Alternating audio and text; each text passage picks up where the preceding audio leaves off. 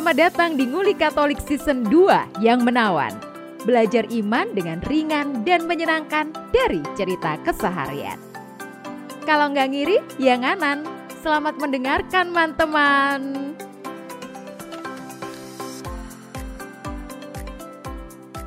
Ya, lagi-lagi kita dibuat uh, kecewa oleh institusi Polri karena mendengar berita tentang uh, siapa calon Kapolda Jatim Teddy Minahasa yang jadi tersangka ya transaksi narkotika. transaksi penjual beli barang bukti narkoba.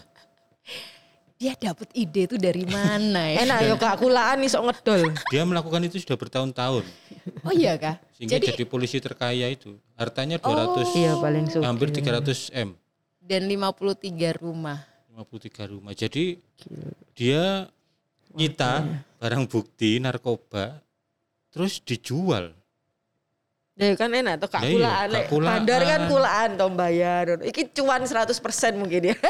Ya yang jual anak buahnya tapi dia dapat bagian dari itu. Itu 300 bertahun-tahun. juta. Tapi katanya itu kan harga di bawah pasar ya.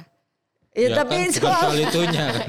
lebih ke soal Enggak lucu-lucuannya karena itu harga di bawah pasar makanya dia diciduk akhirnya ada Oh. yang eh, gitu. Ya tapi bukan itu sih dasarnya sih. ya ya maksudnya Eh, eh, penjual yang lain merasa kan- dirugikan Iya, karena kemudian kan merusak harga merusak, pasar. Kok lu cuma jualnya 300 juta? Ya udah Iya. kan aku dirugiin, lu gue laporin Ya, gitu. Coba kalau sih? enggak itu ya. Heeh, coba kalau dia naikin 500 aja, mungkin dia aman gitu. Kayaknya tambah gelap gitu. Kalau soal narkoba kan aku sudah sering bilang ya di podcast ini aku nggak pernah percaya kalau soal narkoba nggak pernah percaya karena saya tahu sendiri, saya mendengar sendiri ada eh, oknum polisi yang pakai dia wah wis rusak-rusakan lah. Tapi ini selevel irjen ya, iya, bintang 2. bintang dua loh. Kok Jual yang- beli. Yang muncul akhir-akhir ini bintang semua ya, Bintang. bintang. Tapi Yudit bukan termasuk yang menggundul ini ya, rambutnya karena Alumni. dia mau Eh, iya Ini ya. konco-koncone kan Terus itu gundul. gimana? Udah kadung gundul lo? ya beli wig dong Kasih udah di Kapolda. Weh, balik lo rambut gue. Bersyukur karena teman SMA-nya jadi Kapolda Jatim. SMP, dan SMP. SMP. Eh Pasuruan loh ini ternyata ya. Ya ampun, mungkin kalau tandes gitu nggak bakalan ya kayak gitu ya kalau SMP-nya. biasa aja. Oh biasa aja. Karena nggak banyak prestasi. lebih ke kayak nggak mungkin Iya, kan kayak mustahil ya. Tapi ya Ya. kita ini tertawa dalam kesedihan sebenarnya karena Karena nggak ngerti harus reaksi apa Iya, lagi ya Sudah mungkin. kayak duh ya apa rek polisi ini lho sing gawe. Itu kayak Aduh. ya apa ya mau percaya siapa? iya bertubi-tubi loh kan sam, eh, sambo bar sambo Iya, kan juruhan Kanjuruhan. Sebarang ngono Ini. iki jadi kayak walah Terus dan Bariku tapi gini ya, pungli. tapi itu momen apa Oh iya memang- kalau pungli itu ini apa? Receh mungkin Coret-coretan di Oh iya, walaupun mural. dikatakan polisinya terindikasi eh, sakit jiwa, tapi kok yang mengarah ke kebenaran. statement aduh coretannya Ya. Mungkin justru orang-orang yang sakit jiwa itu yang bisa lebih menyuarakan clear kebenaran. ya Iya. see the clarity Tapi sebentar, aku eh, aku aku mau nanya dulu. Tapi ini bukan Nanya bukan ke Pak Teddy saya nggak bisa datangin sih saya Mbak. nanya ke Pak Yudit. Oh, yang kayaknya temannya Pak Teddy. Pak Yudit kan setelah Kanjuruhan itu Kapolda itu namanya Pak siapa ya? Pak Niko Avinta. Irfan, eh, iya Niko, Bukan Niko. ya? Pak Niko Avinta Nico ya. tulisannya. Terus kemudian itu emang udah waktunya ganti Ya atau lah. ya karena kan Oh, juruhan karena itu kalau ini. nggak Karena salah itu oh karena Kanjuruhan di Iya. anu lah pemain pengganti. Iya lah. Taunya sama aja boroknya. aja ya. Wah. Dan yang nangkap propam ya. Propam ya. Iya, karena Kadif Propam Kadif Propam penggantinya ganti. Sambo ini Syahardianto, Ha-ha. katanya orang bersih katanya. Ya, Jadi syukurlah kalau- berani gitu, berani. Berarti selama propamnya masih Sambo, ini Teddy ini sudah lama melakukan itu. Jangan-jangan temennya juga Mungkin ya. gitu ya. Jadi bagaimana perasaan Pak Yudit sebagai temennya Pak Teddy ketika Pak Teddy nggak jadi Kapolda Jawa Timur, Pak? Karena mungkin yang dikualifikasi itu bukan temannya gitu. Enggak pakai perasaan jadinya. Enggak ada perasaan Bukan bukan, teman saya kok. Maksudku kok kok kotor banget gitu loh maksudnya yang yang duren tiga itu kotor banget ya. Maksudnya terang-terangan ditembak gitu. Mas, lu eh, yang ini Terus dia pakai rumah dinas gitu rumah loh. dinas. Terus yang ini terang-terangan apa eh, menjual barang bukti itu kan wis kotor banget gitu. Mhm. Kok enggak ada yang apa main cantik, main Dan dan itu eh, hitungannya kilogram ya Pak ya. kilogram ya. Juga bukan gram-graman. Itu ternyata dari kan memang ada kasus yang sumber itu menemukan sekian puluh kilo, 41 kilo kalau nggak salah. Yang dimusnahkan itu 35 kilo. Ya Tuhan. 6 kilonya dijualin nih sama Teddy Ya. Tuhan. Sementara Iya. yang pengedar yang dua ons ditangkap. Ditangkap. Cuma dua ons. digiring, Digiring, dikasihin baju difoto, orange, difoto, ditampilkan. dibikinin konferensi Enggak, pers. Jarene apa komikas yang baru bebas loh, siapa Ciko? Eh Coki. Viko, Coki. Viko, Viko Viko. Viko, Coki. Coki Pardede. Nah, Itu enggak tahu sih ini baca di Twitter mungkin bukan Cokinya ya, tapi pakai beritanya Coki itu ngomong stand up dong Pak, stand up dong Pak kan itu maksudnya itu kayak waktu zamannya si iya. Coki itu ketangkap kan disuruh disuruh Iya, gitu tau. Oh iya ya gitu ya, gantian nih sekarang nih. Ya ono dajek dari Stand up itu itu. maksudnya dia di konferensi pers Ah, kan. waktu Iya. Coki itu. Oh ya mantap nih ya. Ah, terus dibalas gitu. Iso. Gak Jadi mungkin sekarang- sih rasanya. Nggak mungkin apa? Polisinya nggak mungkin gituin ke, po- ke, ke teman polisinya. Iya lah. Oh iya memang nggak mungkin. 6 kilo nih ya, kalau sekilonya 300 juta. Udah 1,8 Dan itu dibagi-bagi ke staf polisi kan? Ada Iya. polwan, ada As a merch- merchandise. Eh, tapi itu itu itu itu ketangkap semua ya. Teman-temannya ya. Teddy Minahasa itu ketangkap yang semua. Yang sipil berapa? Lima, eh Enam. dua, eh enam. 6, 5, eh, 11 kan? 11, Belas, lima polisi, 5 polisi, Enam 6 sipil. sipil. itu gila-gilaan. Wih, ya. sarenteng ngono perwira ya. semua itu. Waduh nggak tahu. Enggak kayaknya. Harus lihat koran. Oh, Bintara. ada yang bintara ya. Kayak kayak Sambo itu kan nabok Iya. nyilih tangan ya Nabok maksudnya. nyilih tangan. Heeh. dia ambil bintara matam tama kayak gitu. Waduh. Ini jadi kita Belum tuh kayak sedang diuji kepercayaannya kepada institusi. Saya sudah nggak percaya. Ngapain pakai diuji diuji? Saya sudah nggak percaya. Dia hanya percaya pada Yesus. Tapi Yesus juru Saya selamatku, takut- aku percaya padamu. Nah, saya takut gitu. menelan ludah saya sendiri kalau saya kejadian sesuatu gitu loh. Kan ya pasti butuh polisi tuh. Iya, iya. Ya moga-moga Gitu. nggak terjadi apa-apa gitu. Tapi saya Bahkan- nggak percaya nol Bahkan saya. di antara netizen ini menjadi tanda tanya ketika eh, malam Jumat itu tahu berita bahwa besok nih perwira pada dipanggilin sama Pak Presiden. Eh, jangan-jangan ini dibubarin nih. Kalau polisi dibubarin gimana coba? Ganti bisa. siapa? Kalau kalau Polri sebagai institusi nggak bisa buya. Nggak bisa ya. Di semua negara harus ada. Bisa nggak diganti kamera aja? Nggak bisa. Bisa. Kamu tahu kamera? Keamanan rakyat tuh. tahun 97 itu ada. Yo. Ya Kamu itu tahu, cikal kamu bakal FPI itu tahu. itu. Oh ya? Cikal bakal FPI itu tahu. itu. ya polisi-polisi yang Ya anu. dibentuk kayak Eh dari masyarakat sipil, umum ngono loh kan. sipil yang Benar, terus dipersenjatai, dilatih. ya. Waktu itu seragamnya jo coklat-coklat. Yo, kan seneng tuh lek wong-wong miskin ngono kan Dan ini ya, dilatih tentara-tentaraan wes seneng tuh, bangga tuh. udah bangga. Kayak Dan terus seragam. kadang udah belagu Iya, wis melete. gitu. Karena dulu ada banyak kamera ngekos di rumah aku. Iya. Oh, Anda ibu kosnya. Ibu kosnya. Kamera. Jadi ya elah baru kamera aja udah begini. Itu waktu itu sidang istimewa MPR kan 97. Habibie. Oh aku dulu masih kecil pak. Ya. Jadi aku cuma Oh, SMP Ah, ya. Karena masanya besar, tenaga aparat keamanannya Kurang. Sedikit, maka oh. ditambahkan sipil sipil-sipil sing nganggur-nganggur itu beneran. itu jadi kayak padat karya gitu loh iya, pak ya. terus mau ndak Bener. kamu sehari misalnya 15.000 ribu dapat nasi bungkus, dapat seragam, rodok loreng didik, so weneng. Badannya dek, tegap dikit aja Tegap-tegap, pokoknya ah, sehat ah. lo gitu ya. Ya selalu jadi kamera itu. Terus Hmm. setelah selesai ndak ndak ada ini ndak ada kegiatan ya kalau yang berminat agama ke FPI itu. Itu cikal bakalnya itu. Gitu. Oke. Ya tapi kembali ke itu Kembali tadi ke ya. Pulici, kembali ke. Ya, Sebenarnya kita saya- ti- tidak fokus ke Pulicinya ya, tapi eh, apa namanya kasus-kasus terdekat ini semua ke institusi itu ya. Institu- ya, ya institusi Polri dan bentuknya hampir sama ya. Ini yang mau kita bahas di tema ini adalah Hmm. abuse of power, penyalahgunaan kekuasaan. Yang di Duren 3 itu ya penyalahgunaan kekuasaan di Kanjuruhan tuh juga penyalahgunaan kekuasaan. Sekarang yang Teddy Minahasa ini ya Wah, wah, wah. Apakah orang yang sudah berkuasa itu menjadi begitu perilakunya? karena gini, ini teoriku sendiri, kekuasaan tuh nikmat banget, Bisa Beneran. mengatur orang. nikmat banget.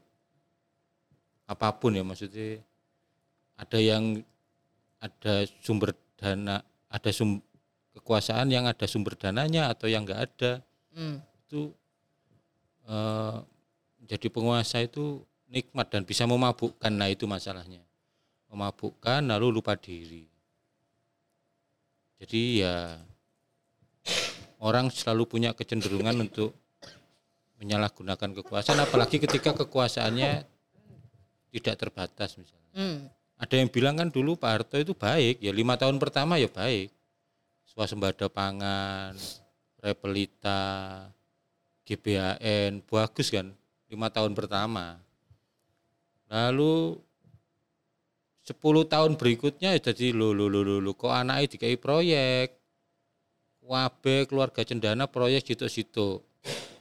Kok moro-moro jadi swoge ngono ben ben Idul Fitri pamer keharmonisan. Wah wis rakyatnya protes Makanya nggak boleh lama-lama sebetulnya. lalu ya. setelah reformasi dibatasi periode Dua presiden kali cuma dua kali Mm-mm. Kalau kayak gitu tuh emang udah udah bawaan manusia ya? Atau gimana? Dari dari sisi eh apa namanya Iman. iman gitu emang nggak maksudnya semua manusia kalau dikasih kekuasaan memang pasti begitu Ekologis ya. ya Itu adalah eh, kebutuhan dasar ya untuk Iya. untuk Iya. berkuasa gitu. Iya. Atau mungkin ya Lek, menjawabnya adalah ya manusia itu kan memang kalau di iman Katolik ya kalau dibaptis dia dihapuskan dosa-dosa asal bla bla bla bla tapi bukan berarti dia setelah Hilang dibaptis dan tobat tidak bisa berbuat dosa lagi karena kan memang dia punya kecenderungan untuk berbuat dosa kelemahan kodrat kalau kelemahan orang kodrat gitu. Hmm. Nah, ya karena kan kita masih daging, ya masih manusia gitu loh. Mm, mm, mm. Itu sih jadi eh, apa pun mungkin ya apalagi misalnya ya itu tadi eh, tujuannya dia bekerja di suatu tempat itu memang nggak jelas, dia aja sendiri mungkin nggak punya apa ya barrier moral atau apa yang kuat gitu. Itu akhirnya mempengaruhi juga mempermudah yaitu penyalahgunaan kekuasaan. Kan karena yo bisa ke mana-mana gampang lah, akses, relasi, jaringan, terus Betul. uang gitu. Itu sangat ya karena manusia ya pada dasarnya manusia memang ya lemah itu sih. yang level kelurahan ya loh wis jadi Pak Lurah ya iku rebutane waduh wis sampai Apalagi kalau di desa itu kadang sampai sawah-sawah gitu loh. nah ya itu karena Hmm. kalau jadi lurah dia bisa dapat akses tanah misalnya Mm, mm, mm, mm. tiba-tiba diberi surat tanah itu Iya. wis jadi milik hak miliknya dia jadi yang diperebutkan tuh itunya Benda Apa? dunyone ya. dunyone itu Ya kayak yang kemarin kita omongin apa? eh, Gubernur Lukas NMB itu kan juga itu juga tuh ya. iya Itu sungguh memancing orang menumpuk untuk tamak. kekayaan ya. Mm, mm, punya kecenderungan menumpuk kekayaan. Awalnya biasanya ya baik biasanya ya satu dua tahun pertama baik. Lalu mulai muncul orang-orang di sekitarnya ini yang bahaya ini. Keluarga kerabat saudara mendekat. Dengan segala kepentingannya. semuanya punya kepentingan butuh bantuan gini-gini. Lalu mulai ABS asal bapak senang. Hmm. wis cerita poe disanjung-sanjung terus Pak Gubernur hebat sekali eh, terus sanjung-sanjung melayang terus Hmm. nah kalau melayang terus dia nggak sempat menginjak tanah tuh Hmm. dia nggak tahu apa yang terjadi nggak sempat Ini kayak cerita yang barusan mundur kemarin itu ya, barusan selesai kepemimpinannya kemarin Oh, iya. itu ya. Gubernur Jakarta Abe. ya Anies Baswedan ya kalau dia sih Gak tahu ya.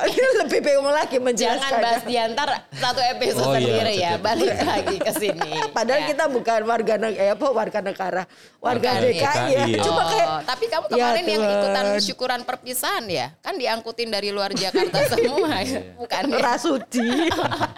Cuati. Oh. Ayan loh. Enggak, enggak, Jadi enggak kekuasaan itu memang atau dulu pernah ini ya, bu- bukan pernah kan ada yang bilang kalau mau menguji seseorang kasih duit dan Iya. kasih kekuasaan ya, Iya. dia akan menggunakan seperti akan apa? kelihatan karakternya karakter akan kelihatan karakternya.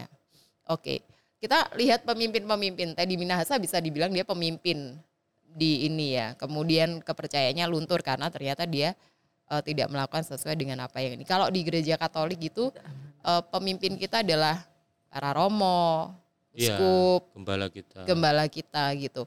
Ada yang kayak Teddy Minahasa kayak gini nggak? Yang nggak jualan barang bukti sih, barang buktinya. Pasti ada lah. Ya penyalahgunaan tuh di semua tempat, di semua institusi itu pasti ada ya. Cuman ya kadarnya kan beda-beda ya. Wih, kadarnya be- beda beda-beda. Katekis kita udah batuk-batuk nih kenapa? Ini karena akan menyinggung sisi gelap gereja Katolik. Oh ya. Yoin berontak gitu Cin. Sama masalah kesehatan lebih tepat. Enggak sampai ke itu ya. Kita ini lagi nggak saya sebut ya. Kita ini harus hati-hati loh. Kalau semakin sering terganggu kesehatannya. Mungkin topik yang kita pilih ini Bukan. Oh bukan ya. Karena musim hujan. Oh karena musim hujan. Bukan karena doa pendengar. Bukan. Mungkin lebih ganti topik yang cocok ke Mbak Vera kucing ya. Minggu depannya kita ngomongin kucing, dinamikanya, pertumbuhannya itu. Iya iya. Kucing bisa dan iman cerita. Katolik ya. Iya iya. Nanti kalian inter interviewernya ya. Aku narasumbernya Iya. yang ngewawancarain tiga, yang diwawancarain satu. bukan ya, bukan karena kita terlalu overthinking ya, enggak. Gimana? Kita juga punya ini enggak? Itu kecenderungan, kecenderungan juga pasti ada lah. Cuman ya itu tadi kadarnya beda lalu nggak tahu mungkin ya intensinya beda. Tapi like, setauku misalnya kayak Romo menumpuk kekayaan itu jarang maksudnya. Ya ada lah mungkin yang mungkin barangnya mewah-mewah tapi sebenarnya ya pemberian juga pemberian umat. Tapi kalau yang kelihatan menumpuk kekayaan gitu kayaknya enggak ada atau nggak tahu. Atau nggak bisa ya gitu tuh bisa nggak sih? Ini ini ini ini beneran aku nanya. Ini Romo nih, misalnya ya Romo pastor gitu.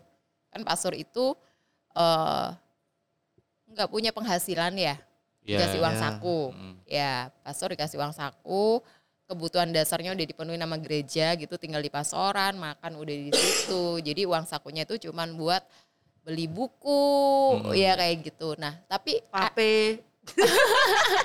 Oh ya gitu. Tolong ya Romo-Romo yang ngevape ya. Aduh. Ya. Nah, itu mem- ya kalau kalau bilang memungkinkan sih memungkinkan, tapi sampai seberapa besar misalnya dia punya rekening atas namanya dengan bertumpuk lalu membeli aset gitu memungkinkan nggak? Gini mak- maksudku itu ada kontrol dari gereja nggak untuk hal-hal seperti itu? Ada auditnya nggak gitu? Eh Romo Yudit, kamu udah eh, punya barang apa aja? Audit kayak personal gitu. kayaknya enggak ada kayak. Eh Romo Yudit punya saham, si do muncul ya. wow, ngeri, ngeri. Si tenggelam kok. Khusus yang herbal ya. Karena dia pengguna. Iya, bukan. Dia tuh saham salon pas yang dia beli gitu. itu ada nggak atau ta- atau teman-teman tahu nggak sih emang gereja melakukan itu secara detail atau hanya himbauan aja tetap dihidupi Nggak pernah dengar romo-romo? ya. Audit audit personal nggak pernah dengar. Enggak sih, mungkin ya laporan ke keuskupan iya. Paroki Ah, tadi. paroki, bukan basisnya pribadi. paroki. Kalau pribadi rasanya enggak. Enggak lah. Intensi misa pun ada kotaknya sendiri di Ah. setiap paroki. Tuh. Oh ya, untuk stipendium itu ya yang oke. Jadi itu semua sudah diatur benar-benar dan sampai sampai hari ini kita ngomong di Keuskupan Surabaya aja deh, semuanya on the track ya. Mm-mm. Ya transparan supaya mencegah itu tadi penyalahgunaan misalnya. Hmm, kalau kayak stipendium itu gi- gimana? Mungkin ada pendengar yang selama ini eh, boleh nggak sih aku nggak atau gini? Eh, kayaknya di nyonya itu udah pernah dibahas ya stipendium ya. Tapi ke mana itu aliran dana? Uyu aliran dana. Aliran dana nyonya. kayak kita ini gimana gitu ya. Jadi kan Romo nih, Romo kalau misalnya diundang, Romo misal pemberkatan rumah di rumah saya gitu. Terus makasih Romo, kita beri stipendium ya, nggak apa-apa itu Aku makasih. persembahan, terus ucapan terima kasih. Terus gitu gimana? Itu dilaporkan juga ya sama para Romo itu. Lek sing lek sing pernah aku denger sih ya memang kayak ada kesepakatan di Romo Paroki sesama Romo Paroki itu. Jadi maksudnya ya itu ada satu kotak bersama atau satu wadah bersama gitu ya udah itu selain uang saku misalnya apa yang didapat dia dimasukkan di situ. Ya ada kesepakatan gitulah. gitu. Tapi lek detailnya gitu enggak tahu juga. Nanti Aku sih pernah dengar gini. Eh, pernah dengar gini dari satu orang Romo. tergantung intensi pemberi. Ya itu juga. Misalnya intensi pemberinya ngomong, mau ini untuk gereja, berarti uang itu harus masuk kotak pastoran Hmm, untuk nanti dipakai untuk kebutuhan gereja. Oke. Tapi kalau dia tidak mengatakan apa-apa, si pemberi ya itu untuk pribadi, tidak apa-apa. Hmm. Atau bisa juga kadang itu nggak berhenti di Romo. Jadi dia kasih itu buat orang lain yang membutuhkan. Ya kalau itu iya, ya. iya. Gitu ya. Kon- Konsep besarnya memang itu. Semua Saluran Artinya stipendium itu Iya, sebenarnya artinya untuk tidak orang berhenti lain. di pribadinya Iya, pastor iya. gitu ya. Oke. Alah, ya Romo didik lah. Maksudnya berbagai macam hal yang dia terima ya dikasih untuk anak Iya. asuh anak asuh sekolah itu. Semuanya Hmm. mengalir ke orang lain juga ya. Kebutuhannya apa gitu aja. Semua yang datang ke M17 juga diberikan kepada yang ada di M17 ya. Iya. Oh ya itu pasti. Tapi tapi pasti. Mungkin kita pernah mendengar misalnya romo-romo di luar Kesupan Surabaya misalnya di luar Jawa misalnya itu Hmm. ya ada juga yang misalnya sampai punya tabungan lalu beli tanah gitu ya praktek-praktek ngono itu pasti ya ono ya. Ya di mana pun itu Tapi untuk karya atau untuk pribadi. ya kadang kalau nggak ketahuan ya terus Hmm. lanjut misalnya. Mm, mm, mm, mm, mm. Oke. Terus di gereja Katolik ya, kan itu masa sekarang ya. Eh, bagaimana dengan masa lalu begitu? Dulu kan pernah di dikritik bahwa aduh gereja Katolik itu kotor begitu ya. Karena pelecehan atau mungkin ada juga nggak kayak gini penyalahgunaan kekuasaan. Iya, makanya dulu disebut masa-masa kegelapan gereja itu karena kita pernah mengalami masa-masa kegelapan gereja. Transisi antara masa apa kuno ke zaman modern itu gereja ada di dalam situ. Di mana gereja yaitu eh, hierarki ya, hierarki Mm, menyalahgunakan apa kekuasaan. Misalnya eh, tahun eh, istilah zaman kegelapan itu dicetuskan tahun 1300-an. Gereja Katolik waktu itu mendominasi dan hampir segala keputusan pemerintahan dipengaruhi olehnya di Eropa ya maksudnya. Ketika mulai tumbuh besar di Eropa itu lalu terjadi eh, abuse of power itu eh, gereja mendominasi hampir segala keputusan. Ada uskup yang merangkap jadi raja atau dia uskup tapi sangat kuat mempengaruhi kaisar. Waktu itu kan zamannya masih zaman eh, kekaisaran kerajaan gitu. Lalu ada yang apa namanya yang juga diakui oleh gereja Katolik ada eh, zaman ketika indulgensi itu disalah mengerti, disalahpahami. Hmm. Penyimpangan penyimpangan soal indulgensi, pemberian Ah. indulgensi. itu kan juga kalau digolongkan dalam tema kita hari ini yaitu abuse of power itu kekuasaan tidak digunakan eh, semestinya 1300. Indonesia itu semuanya masih hutan mungkin ya.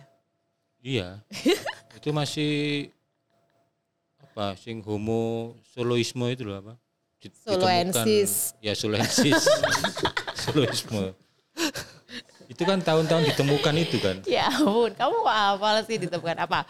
Homo Solo. Pithecanthropus erectus. yang pertama kali soloensis ya Aduh, aku nggak inget Nggak pak. inget ya.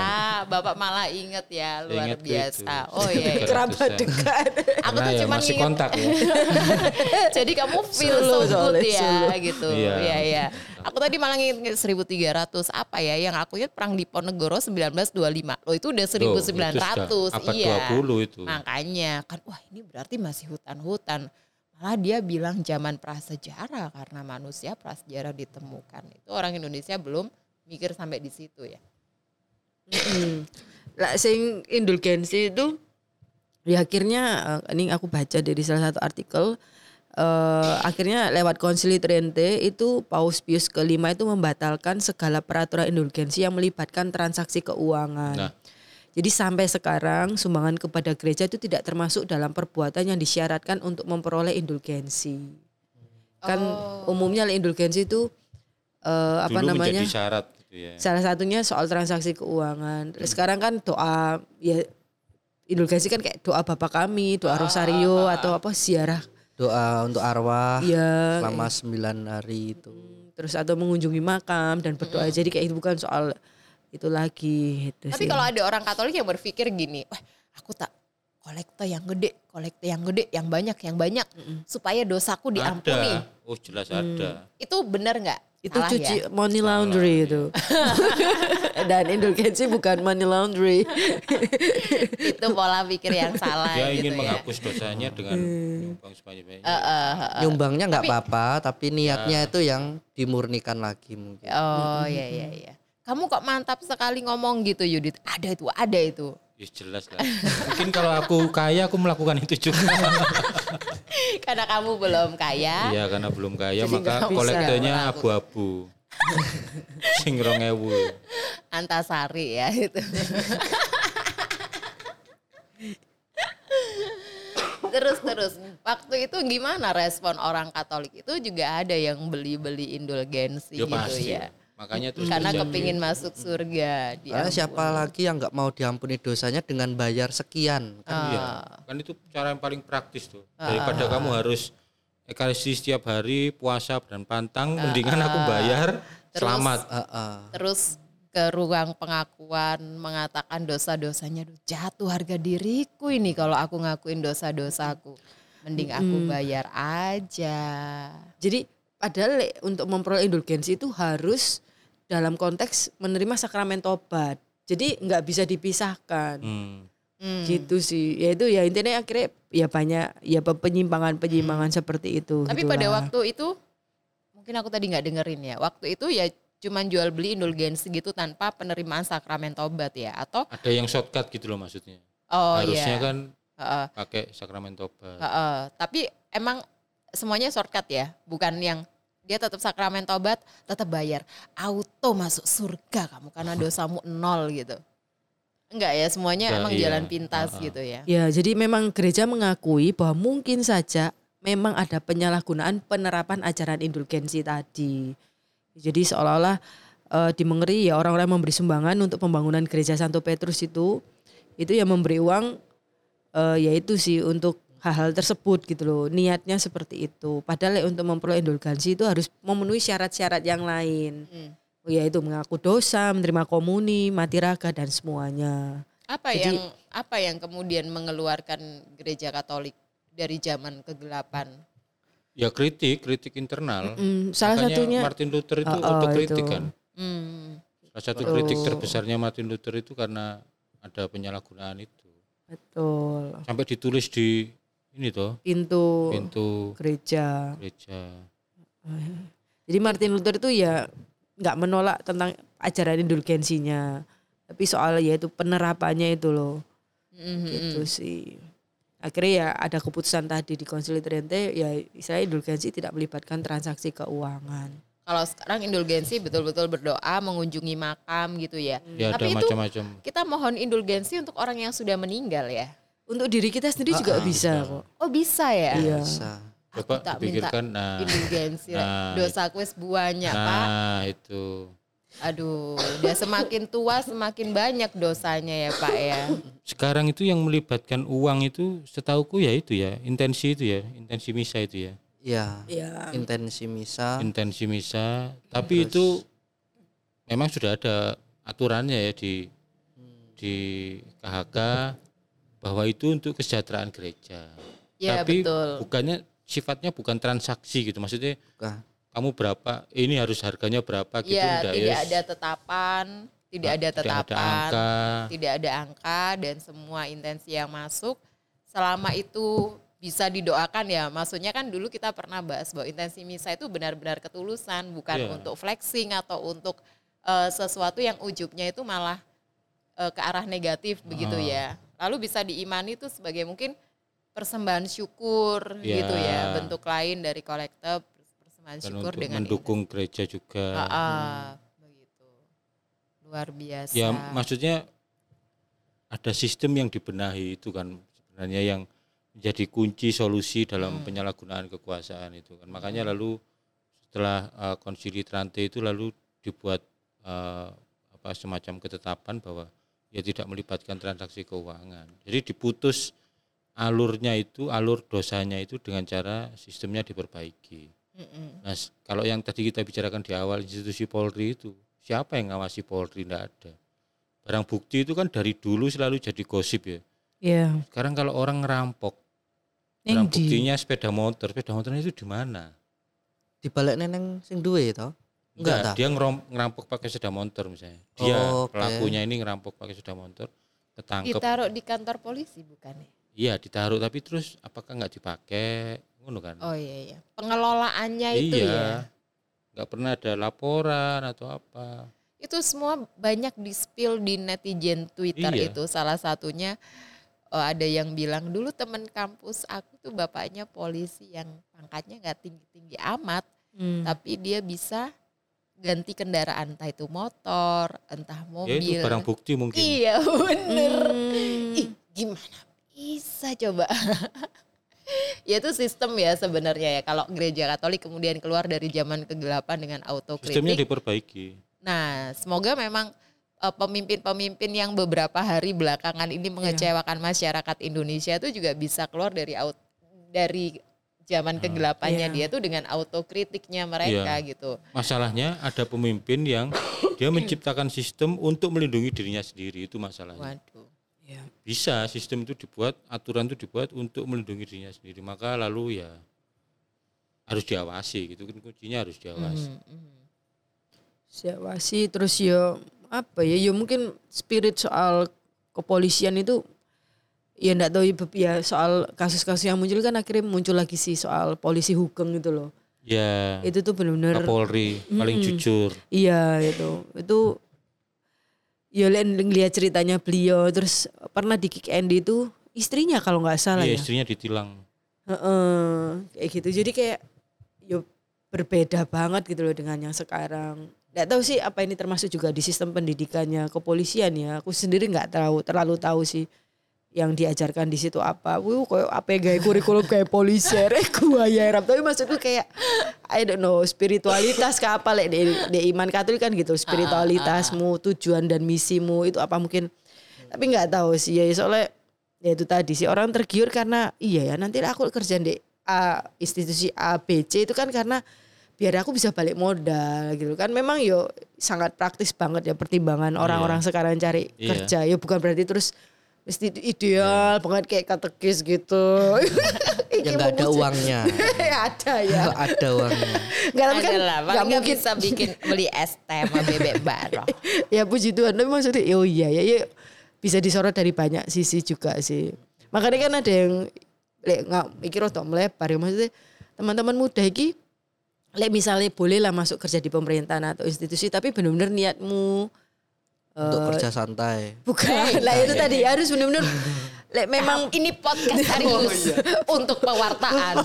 Kamu jangan menciptakan generasi muda, generasi muda. Ah, itu. apatis dan pemalas. lah ya udah. Udah disampaikan dengan baik oleh Mbak Vera. Ya seperti dia sendiri kan juga pernah tak tanya apa Mbak gak jadi PNS eh ya itu kan maksudnya kayak ya, perlu untuk di dimunculkan munculkan itu lagi lah generasi generasi yang ya ya cari uang itu perlu lah untuk nak bertahan hidup ya cuma berangkat lagi yo Lek, misalnya kita memang peduli yaitu tadi sama negara kita entah itu soal kepolisian lah atau DPR atau apa yo ikut tadi mesti dianu Ada Aku lagi nggak tahu teori juga ya. Kan pendidikan eh, kepolisian Pol. dengan eh, Tentara Nasional Indonesia itu kan akademi kepolisian dengan akademi militer. Akademi ya itu kan pendidikan tinggi. Tapi Iya. kayaknya dia eh, di luar orbitnya Kemendikbud ya. Oh, Oh iya punya kurikulum sendiri lah. Punya kurikulum sendiri. S1 tapi S1 yang memang polisi. di iya betul. Jadi kan itu di-create oleh lembaga itu Iya, sendiri. iya. Nah, ini yang mungkin agak lepas gitu. Maksudnya itu kalau Hmm. dari eh, TK, pendidikan dini sampai menengah itu karakternya dibentuk serut begitu belok ke nah itu kan itu tadi sih kita kan juga nggak tahu ya di Iya, iya. tapi mungkin memang tujuannya bagus kurikulumnya bagus tapi orang-orang yang mengawal kurikulumnya untuk membentuk aparat keamanan yang bagaimana sistemnya eh, ekosistem di dalamnya itu kayak apa itu yang memang harus perlu dibenahi karena outputnya kayak gini iya. Hmm, jadi gitu dari segi itu pendidikan terus dari segi lembaga pengawas juga dan juga ya dari itu sih Mhm. Jadi polisi di Indonesia itu paling gampang. Lima bulan sudah jadi polisi. Sudah Itu Tamtama apa Bintara? Tamtama jelas. Oh. Paling rendah tuh. Oh. Dan sudah boleh pegang senjata lima bulan. Lulus SMA terus ikut apa pembinaan sebentar, ngono. Anak Belum belasan yang tahun akademi ya. Ha, ha. Masih ya lulusan SMA. Novisiat mungkin ya, like gitu ya. Tapi dia sudah dilatih apa pegang senjata, menggunakan senjata gitu. Nah, masih muda selabil itu, emosi yang belum stabil dan lain sebagainya, persoalan hidup yang belum selesai, eh, kepribadian karakter yang belum terbentuk sudah pegang apa kekuasaan yang besar itu dalam, dalam arti soal senjata penggunaan dan lain sebagainya. Maka ya lalu itu apa menjadi eh, presiden buruk di kemudian hari. Lalu yang kedua nggak ada role modelnya juga. Kalau di saya tadi bayangkan di seminar itu role modelnya langsung Yesus kan? Para seminari itu langsung eh, figurnya itu Yesus langsung. Ya udah kamu nanti akan jadi orang yang miskin, kudus, taat seperti Yesus. Cuman tiga itu. Maka kamu nanti Miskin kudus waktu dan taat. ditabiskan, maka kaulnya itu, kaulnya adalah kamu janji akan miskin, janji akan taat, janji akan suci. Siapa yang bisa melakukan itu? Ada, dulu ada, 2000 tahun yang lalu dulu ada seorang manusia yang hidup seperti itu, maka kamu sekarang juga akan hidup seperti itu. Itu kan berarti wis apa? visioner sekali menempatkan orang untuk ikut sesuai role model. Nah, polisi itu siapa? Wong role modelnya misalnya kayak model sekelas Kapolsek ngono ae, wis kemelinti wisan. Kapolsek wis duwe moge lho. Yang harganya sekian juta ya. Per minggu San Mori. Moge itu San Mori. San San- Mori. Sunday, Sunday morning ride ya. Morning ride. Itu nggak konvoy konvoy. konvoy. Makanya sampai ditegur langsung sama presiden gaya hidup, gaya hidup polisi. Yang kapan hari dipanggil Kapolsek, Iya. Kapolda itu kan gaya hidup. Karena wis minggu terus nyonya-nyonyai kumpulan putri putri apa ibu-ibu bayangkari aduh, Arisan. arisan Kamu kenapa bahasa tubuhmu kayak gitu sih? Kamu kayak benar-benar memperagakan. wendel Menghayati peran nyonya. itu kan lah, lah lalu yang lulusan SMA ini lihatnya itu oh aku- Enak lah aku Eropa kok gitu loh. kudu ngono. Bukan pelatihnya ya, kan mereka tuh kayak punya pelatih gitu sih. Pak. iya Di- kasihan pelatihnya ini loh yang tiap pagi bangunkan. Dia tetap miskin kan?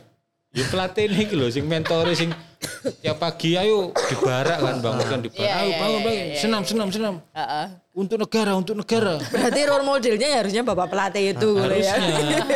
Lah kalau untuk negara. Tapi masalahnya naik apa pangkat gak ngelatih lagi bingung lah. iya Tapi masalahnya kan kemudian dia terjun ke maksudnya ke institusi praktis di uh, Polsek, di Polres, di Polda itu beda lagi. Yang Iya. itu tadi ya, yang maksudnya jadi role model ya. Mungkin selama lima bulan dia dilatih ya. Wih, Oh, pelatihku ini idealisme itu- disiplin kayak gini. Begitu masuk di situ kan harusnya marwah ini dijaga sampai di Iya, iya. institusi praktisnya. Kamu kalau jadi polisi beneran harus jujur, nilang ya nilang aja, nggak usah nilang lalu mintain Nggak main. duit kayak gitu, ada main gitu, nggak boleh. aku kan pernah stand up di apa Kepolisian. ini apa iya Poltabes Sidoarjo Oh iya dah. Eh, Polres Sidoarjo, Kacau. bukan Enggak. Poltabes. Kita mah Polres ya? bukan Nek Poltabes ning Surabaya. Surabaya. eh, kita belum kota besar, Pak. Saya mengakuin Sidoarjo bukan Gitu ya? kota besar. Antara ngece ambil lali. Iya. Kamu tuh banyak Lupa, ngecenya, sengaja. Kamu, lupa lupa dia lu bilang lupa. lupa lupa Polres Sidoarjo. Ah. Itu deket rumah aku, tapi sekarang udah pindah, Ding. enggak deket ini kok Plaza Mas Pion eh Plaza apa sing gede jadi exit tol itu loh Oh iya, makanya itu yang baru. Eh, eh, oh Sidoarjo Barat ya. Ya, Heeh. Polsek Sidoarjo. Iya, Polres, Polres. Dia lebih rendah lagi polsek. Sudah Tuhan susah diomongin ya Polres emang. Sidoarjo. Polres Sidoarjo, kamu stand up di situ. stand up Acara polisi emang. polisi memang HUT Bayangkaret loh Oh, kemarin Sampai ya. seragam ngono sampean. Enggak. Cukup biasa. Terus yang nonton itu anak-anak itu, anak-anak akpol itu. Terus aku tanya Oh. tuh, tanya ke MC-nya. Anak-anak Bintara, apa?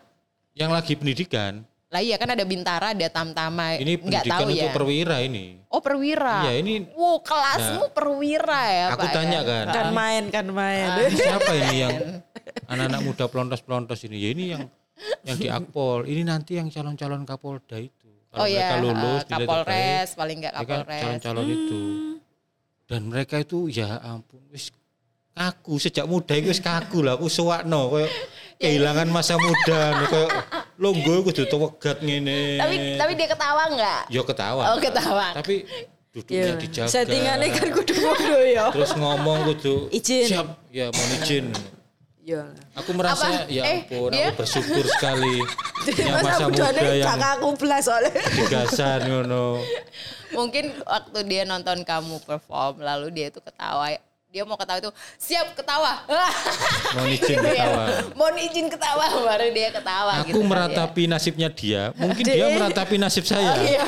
ya ampun sakno era wis tuwek sik ngelawak Iya. mungkin Sawang loh Sinawang ya. sawang sinawang. Tapi apakah model-model begini ini yang dicetak gitu? Maksudnya mereka ini pasti nanti akan merasa menjadi warga kelas 1 kelihatan aja dari modelnya gitu. Mereka bahkan di antara sesama polisi aja mereka sudah merasa yang punya privilege gitu. Tapi kita mungkin belum tahu sih. Eh, maksudnya kita berempat mungkin belum tahu apa yang menjadi dasar kepolisian itu atau seperti tentara nasional itu harus pendidikannya sekeras itu gitu. Maksudnya di antara di antara yang harus duduk tegak itu ada ada tujuan yang Bisa jadi tema topik tahun depan ya. Oh, iya, iya, iya. Kurikulum pendidikan polisi tambah berat ya tambah bengek kok. apa sih kita ini bisa nggak mikir yang sederhana-sederhana aja kok kita susah amat mikir kurikulum ini terus balik lagi balik lagi ke performmu itu kamu ngerosting mereka gitu ya ya tipis-tipis oh ya tipis oh tipis-tipis ya jangan banyak-banyak lu ntar nggak pulang lu Mas tawanya dilos saja mas. Gitu. Saya panggilnya Mas ngono. Mas tawanya dilos saja mas. Tidak apa-apa ini opo. itu itu itu ada petingginya juga ya Iya iya. Bos-bosnya di situ semua. Oh, oh, oh. pasti kelihatan bos-bosnya tuh yang perutnya udah buncit-buncit gitu. Iya iya. Ini tak tak sindir juga. Kayak kemarin dong lihat yang foto mereka pada ke istana itu juga ya. Iya. Yes kaget oleh anu nih ya. Sudah bukan seragamnya lagi sebenarnya. Polisi buncit itu membuat ini materiku di situ. Polisi buncit itu membuat orang yang nggak punya niat jahat jadi punya niat jahat. Gimana? Ketika lihat, uh polisi ini lemu ah, jambret ah. Kan gak iso ngejar. Paling nggak dikejar. Paling nggak dikeploi dok. Aku kok nggak nututin sih. Eh maling. Ngongkon wong liya sing ngono. Dompetku. Kejar no. Tiba dia sing ngejambret. Terus dia kejamretnya deket-deket tukang beca. Dia tuh tukang becanya yang Iya. pada ngejarin dia sama tukang gojeknya. Ya ampun. Ah, ya. Ya itulah role modelnya mungkin tidak ada. Pendidikannya juga Eh, eh, memang slogannya mengayomi dan melindungi ya, tapi kayaknya saya nggak yakin warga itu. merasa diayomi dan Iya. dilindungi. saya itu sejak kecil loh ini beneran sejak kecil itu di kampungku orang nyebut polisi itu disebut penyakit menggantikan nama polisi itu dengan penyakit. Jadi lek ngomong itu Ya ono tilangan apa. Eh apa? ya nang kono ono penyakit ngono. Misalnya gitu. Itu kan berarti stigma. Eh, itu Yudit yang ngomong barusan namanya iya Yudit. ini barusan saya ngomong Yudit Jebardian. Alamat saya di Tandes enggak apa-apa itu stigma. Enggak apa-apa ini stigma masyarakat. Stigma masyarakat. Ya polisi harus menjawab stigma itu apakah benar dia penyakit atau dia penyakit busuk gitu ya itu stigma orang nggak percaya sama Harusnya kalau mengayomi itu ya mengayomi dan melindungi. Orang, lain Orang- nggak dek- orang lain nggak takut dekat sama Oh, mereka. iya. nggak perlu merasa tenang takut. gitu ya. Oh tenang ini Ya ada kan Pak dilindungi polisi. gitu ya. kan. Oh, iya, Aku iya. wedi ketilang, wedi. Padahal bawa semua lengkap ya. Ah, Tapi iya. entah kenapa psikologi kita kayak kayak lihat kan langsung ser ngono kan aku nanti loh di perempatan mana gitu kan aku udah ya mungkin mepet atau piye ya tapi itu nggak lampu merah terus diberhentiin loh. Bu aku iki kena angin apa apa kesetanan apa aku deh Pak, Pak polisi bilang, "Mbak, sampean anu nerabas." "Gak yo, Pak. Iku mau sek kuning yo." Lah iku wis abang, Mbak. Kamu "Gak, yo." langsung self defense langsung- gitu Dan ya. langsung ngegas loh. Terus, Gak pak enak ae iku lho sik kurang abang makanya aku nganu iku lho tonton ngarep iku gak ngene-ngene. Iku mau omongannya mbak melaku, bari motornya loro melaku ini. Enggak aku beneran masih di, di motor gitu aku nggak turun nggak ya bukannya ya maksudnya aku langsung loh kak salah kok Iya, loh. iya. terus yo wis karepmu mbak ngono lho sampean iki yo yo ben Lah, terus aku tuh mbak gini ya aku kesok ngono yo gitu loh maksudku Ya ampun, kamu perang mulu sama Iya. polisi. Stigma gitu. stigma penyakit itu karena muncul karena aduh selama mungkin bertahun-tahun terkenal mencari-cari kesalahan tuh. Hmm. Iya tuh. Dan urusannya malah ribet kalau sama Ya. polisi gitu ya, bukan malah selesai malah nambahin urusan gitu. Iya, Ya. ini ini bukan menjelek-jelekan ya Pak polisi. Yang Hanya- mungkin juga Ya, sudah kalau- jelek ya. Iyalah, maksudnya kita ini masih peduli gitu lah. Iya, iya, iya. Kalau kita Ini nggak memberi peduli malah masukan. iya. memberi masukan. Mungkin juga apa namanya ada teman-teman kita yang eh yang yang sekarang lagi pendidikan sebagai Katolik, Iya, teman-teman iya. muda Katolik gitu ya. yang tertarik Uh, seperti uh. teman kita Jupiter le cari dua LC tapi buka gak escape beda acara Oh, dia mau masuk akpol. Semoga lancar tesnya. Khusus yang polwan tapi yang jalur Eh, Laki-laki kenapa Iya. masuk polwan? ya. Semakin di depan. Semoga- ya mah itu Tapi lewat jalur depan ya, bukan jalur belakang ya. Nah, itu juga itu kan sudah itu pan rahasia umum dong. Ngapain Maksudnya gua pancing? jadi polisi bayar. Tapi lalu ada kayaknya ada waktu setiap kali penerimaan di Akpol itu ada kampanye kan. Ini Iya. Itu cerita emang bener ya masih harus Beneran. kasih duit sekian ratus sawah, juta, iya. heeh, sekian puluh Masih- juta gitu ya. masih ada oknum-oknum yang memanfaatkan kayak Iya. gitu. Memanfaatkan kepolosan orang Warga, desa misalnya. Lewat aku bisa bayar. Ngono-ngono kan yo. Terus mungkin eh, orang di sekitarnya ini masih melihat sebagai prestis Oh iya. untuk ini Sangat. sehingga perlu untuk mengorbankan Oh, iya. segala sesuatu Iya. sampai dia bisa masuk pendidikan gitu. Mm-mm, betul Nah, untuk teman-teman yang teman-teman Katolik yang sekarang masih di pendidikan menjadi aparat keamanan atau kalau misalnya dulu itu sebelum masa pandemi, aku nggak tahu kalau sekarang masih enggak ya. Itu di katedral tuh biasanya kalau minggu sore atau minggu pagi tuh bisnya AAL tuh bawain para taruna angkatan laut ya dari Bumi Moro. Terus mereka taruna-taruna nah pada misa di katedral. hmm. Iya toh. Iya. iya iya. iya. nggak tahu Oh, Oh, kamu nggak tahu ya? kita menjan menganti soalnya Oh iya iya iya iya. Katanya ini ini gosip ya. Ini Itu mereka rumor. yang emang Katolik. Rumornya dari eh, tiga angkatan kalau di TNI itu yang masih tanda kutip manusiawi itu ya AL sama AU. Manusiawi itu artinya itu misalnya pergi gereja barengan. Oh. Ah, ah, itu kan Heeh. itu kan anu apa aktivitas manusiawi kan mm, mm, mm. yang masih diperlihatkan. Oh gitu. AL dan AU terutama AL sih. Misalnya kalau aku dulu waktu gerakan mahasiswa itu yang nggak pernah bentak-bentak itu cuma AL. Jadi ini misalnya dikepung tentara gitu ya. Oh. Kalau AD itu wis wah wis arogan AD. Kemarin yang di Kanjuruhan itu juga ada ya. AD sing nyaduk-nyaduk itu. Ketok kan lorengnya kan beda tuh. Lorengnya AD mbak AL. AL itu disopo? Ayo Mas. Asli ndi Mas ngono. Jadi masih pendekatannya masih humanis. karena dia menemukan Air. musuh yang lebih susah yaitu laut yang ganas Yaitu paus ya. Ikan paus. jadi menungso gampang mungkin ya Sama Mr. Crab yang pelit itu loh. Maka lebih susah sebetulnya. Sering melihat laut yang gelap tuh. Hari iki menungso biasa wis Daripada manusia yang terang. Terus juga yang tidak kelihatan mungkin di pantai Iya. selatan misalnya sih kita ini ngomongin apa sih? Iya jadi wah, eh, seperti itu. Oh ada anak-anak Katolik, maksudnya banyak juga jumlahnya. Ya. Bukan soal bisnya penuh atau enggak, tapi kan emang bawa bisnya itu karena emang dia punya bis gitu ya. Kan nggak mungkin naik motor sendiri-sendiri. Lalu mereka pakai baju taruna, mereka ikut misa. Beberapa gitu. paroki kita itu kan tanahnya hibah dari AL. Betul, mungkin itu juga ya Iya, dampaknya ya. Terus Manusiawi. Dulu humanis. aku juga pernah datang ke kaul kekalnya seorang teman yang jadi biarawati itu di kompleks AU di Maguwo, Jogja. Gerejanya itu ada di dalam kompleks, Kompleks, AU. Nah, waktu kita datang itu kan penjagaan banget ya. Jadi datang mesti lapor baru dibukain portalnya. Kita berdua nih, aku sama temanku cowok, wah tuh maksudnya karena di kepala kita ini aduh sama aparat nih ngapain. Tapi ya mereka sama siang kak. Mau ke mana kak? Iya. gitu. Mau ke gereja. Oh ya silakan kak. Udah nggak kasih babi bu bebo tegas gitu ya? Terukur lah. ya tegas terukur Kan gitu. Nggak, sama siapa kak? Kan nggak mungkin dong. Lah angkatan darat tuh kini wis kadungut di dhisik kan ya. ya kan?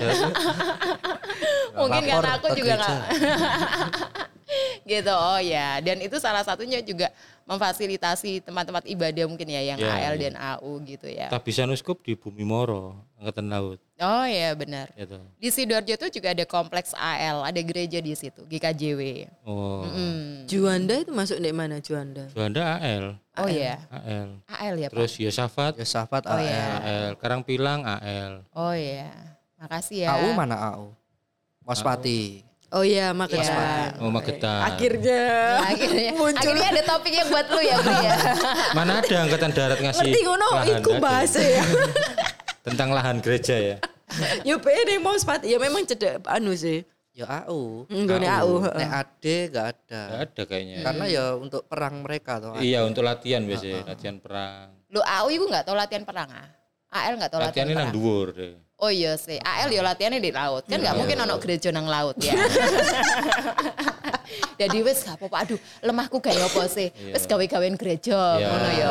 Aku kok latihannya nang banyu kok. Isai. Say, itu asumsi yang kita bentuk-bentuk sendiri. Padahal kita nggak ada yang tahu, kita nggak ada yang kenal sama orang AL. ya.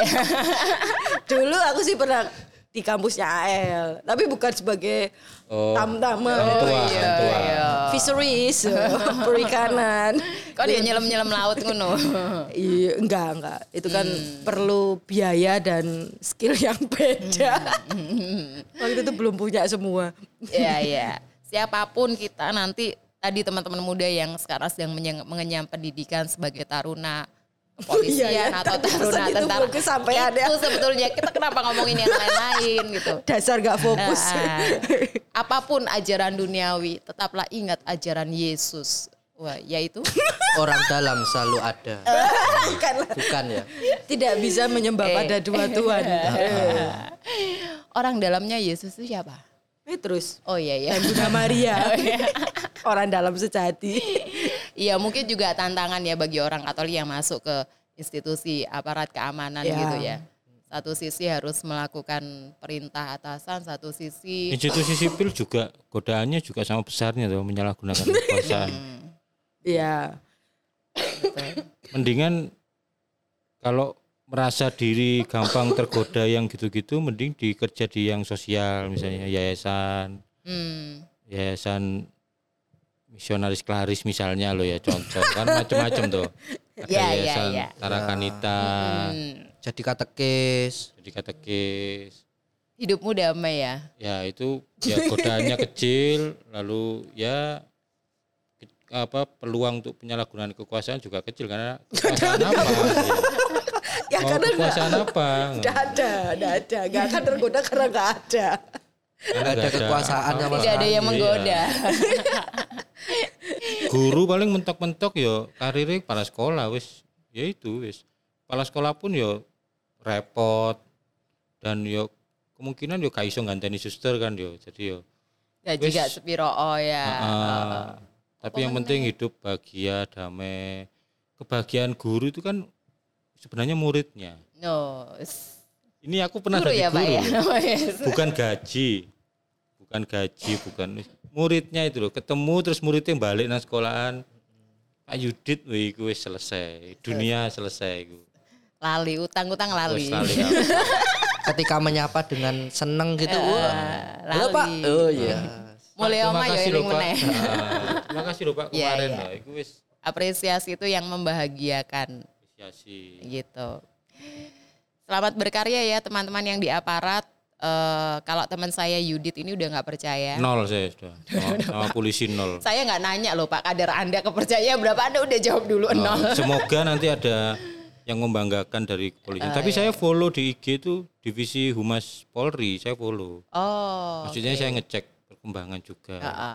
Tapi wis semoga Sekarang siapa Kadif Humasnya ya? Kalau dulu tuh sempet seperti menjadi seleb tweet gitu ya atau bu- bukan Oh seleb iya, tweet sih siapa itu? Boy Rafli Boy Rafli. iya, Iya, Pak iya, Bara. iya. sing anteng iki Ah, ah, sekarang di mana sekarang ya pindah lah Oh ya pindah ya.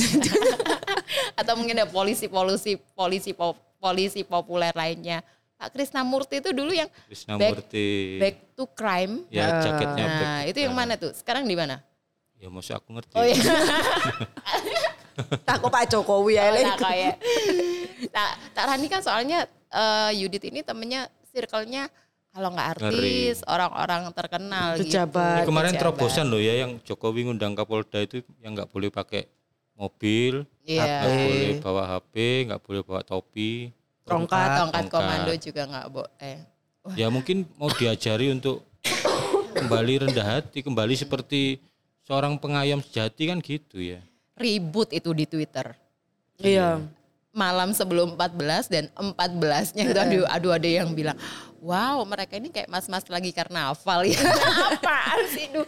Sumpah ya jempolnya netizen itu ya, gila ya.